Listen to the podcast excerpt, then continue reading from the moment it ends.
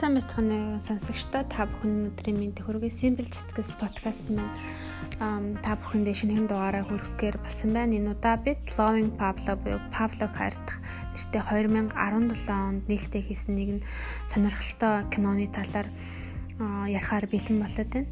За энэ хүү кино бол бас ийм бодит амьдралаар сэтгүүлэгдэн хийгдсэн. За 1980-ад онд хувьд онд одоо харт тамхины бизнес харт тамхины эзэн төхөрнийг байгуулсан юм нэг юм одоо хүн байсан бол энэ тэр нь бол одоо Пабло Эскобар байсан. За Пабло Эскобар болохоор 1949 онд Колумбиа одоо улсад айлын 3 дахь хүүхэд болж мэдсэн. За тэрээр их сургуульд орж орсон бол сургуулаа төгсөөгүй 1970-аад оноос эхлэн юм харт тамхины 8-нд оролцож ирсэн байдаг. За 1975 онд Америк руу харт тамхины 8-ыг одоо хийх болж хэмжээний тээвэрлэл хийх болсон. 1980-ад онд энэ харт амхины 8 хүчээ авч 80 тонн харт амхийг Колумбас Америкийн нэгдсэн рүү ийм тээвэрлж байсан гэсэн ийм баримт байдаг юм байна. За тэрээр 1982 онд парламентын сонгуульд ярьж гишүүн болсон. А түүний энэ харт амхины 8-аад улам цэцгэлэн хөгжиж өдөрт 10 одоо 70 сая долларын ийм хар тамхиг Америкийн нэгдсэн улс руу тээвэрлдэг байсан гэсэн юм тоон баримт байдаг юм байна. За 1989 онд тэр Forbes сэтгүүлээс нэрлсэн дэлхийн хамгийн баян 227 хүний нэгээр нэрлэгдэж байсан нэм түүхтэй. За хувь хүний амьдралын хувьд 1976 онд өөрөө 26 настай байхдаа 15 настай Виктори Хунай гихч эмэгтэйтэй гэрлэж хоёр хүүхэдтэй болсон. За энэ хүн Unloving Pavla гэх энэ хүн энэ кино бол түүний одоо 10-аад жил хамт одоо амьдарсан гэж хамт одоо нууц амраг болох Виржина Валежи гих юм сэтгүүлч эмэгтэйгийн гаргасан номноос одоо санаагаа авч бүтээсэн кино. За энэ сэтгүүл эмэгтэй болохоор 1980-ад оны хэр Павлотой танилцж танилцсан байдаг. Тэгээд 10-аж жил танилцсан танил одоо хамт байж Павлогийн энэ хууль бус үйл ажиллагааны толоор бүгдийг одоо мэддэг байсан.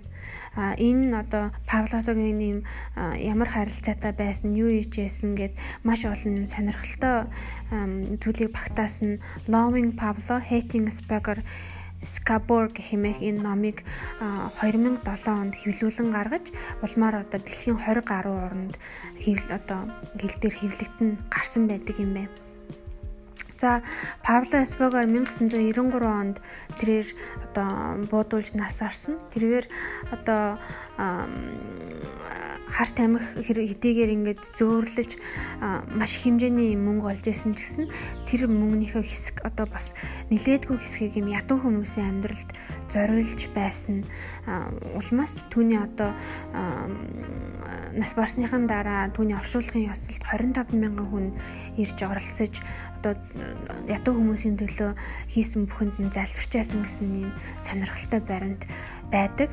За энэ хүү ийм олон за энэ энэ харт амхны 8 гэхэд одоо а 100 гаруй албан тушаалт нь хууль цаатаа шүүх одоо Америкийн нэгдсэн улсын улс төрийн нөлөө бүхүй хүмүүс гэх мэт маш олон юм том олон юм нөлөө бүхий хүмүүс хамарсан юм харт амхны бизнесийг одоо хийдэг байсан юм системийг нураа унгаасан юм сонирхолтой юм кино. Тэгээд энэ сэтгүүл жимлэтэй яаж танилцсан түүний хувийн амьдрал ямар байсан За энэ харт амхны 8-ыг хийхийн тулд юу хийжсэн гэд хувь хүнийхээ хувьд ямар хүн байсан гэсэн маш олон талын ийм сонирхолтой фактуудыг багтаасан юм кино.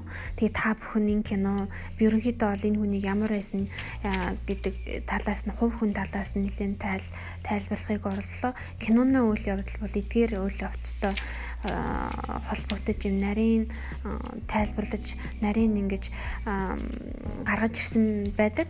Тэгээд та бүхэн өөрийн одоо мэдх хэл дээрээ өөртөө үзээд үнэлт үнэлт өгнө байхаа гэж бодож байна.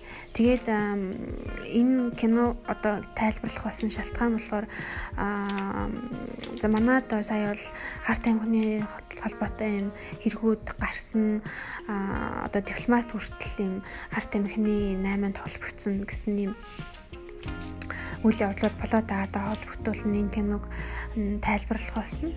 За хэдий энэ харт амхны 8 гэдэг бол ер нь бол маш зохион байгуулалттай байдаг. Та ялангуяа олон их хэмжээгээр хийж байгаа тохиолдолд энэ бол ганц хоёр хүний хийдэг асуудал биш. Маш олон юм сүлжээ холбоо нөлөө бүхий хүмүүсийн одоо одоо харилцаа холбооны үндснээр хийдэг гэсэн юм санааг энэ одоо кино бас агуулж байгаа. Тэр утгаараа би та бүхэнд бас энийг үзэхэд бас сонирхолтой байж магадгүй гэдэг үүднээс тайлбарлан хүрхийг хүслээ. Тэгээ та бүхэн одоо өөрийн мэдих хэл дээрээ эсвэл монгол хэл дээр орчуулагдсан байдаг бол энэ хүнийг үзээрэй гэж хүсэж байна. Ингээд энэ удаагийн Simple Justice подкастны минь хамт байсан баярлалаа. Дараагийн удаа би бас нэгэн сонирхолтой киноны тайлбарыг хүргэх болно. Ингээд дараагийн удаа уулзлаа. Түр баяртай.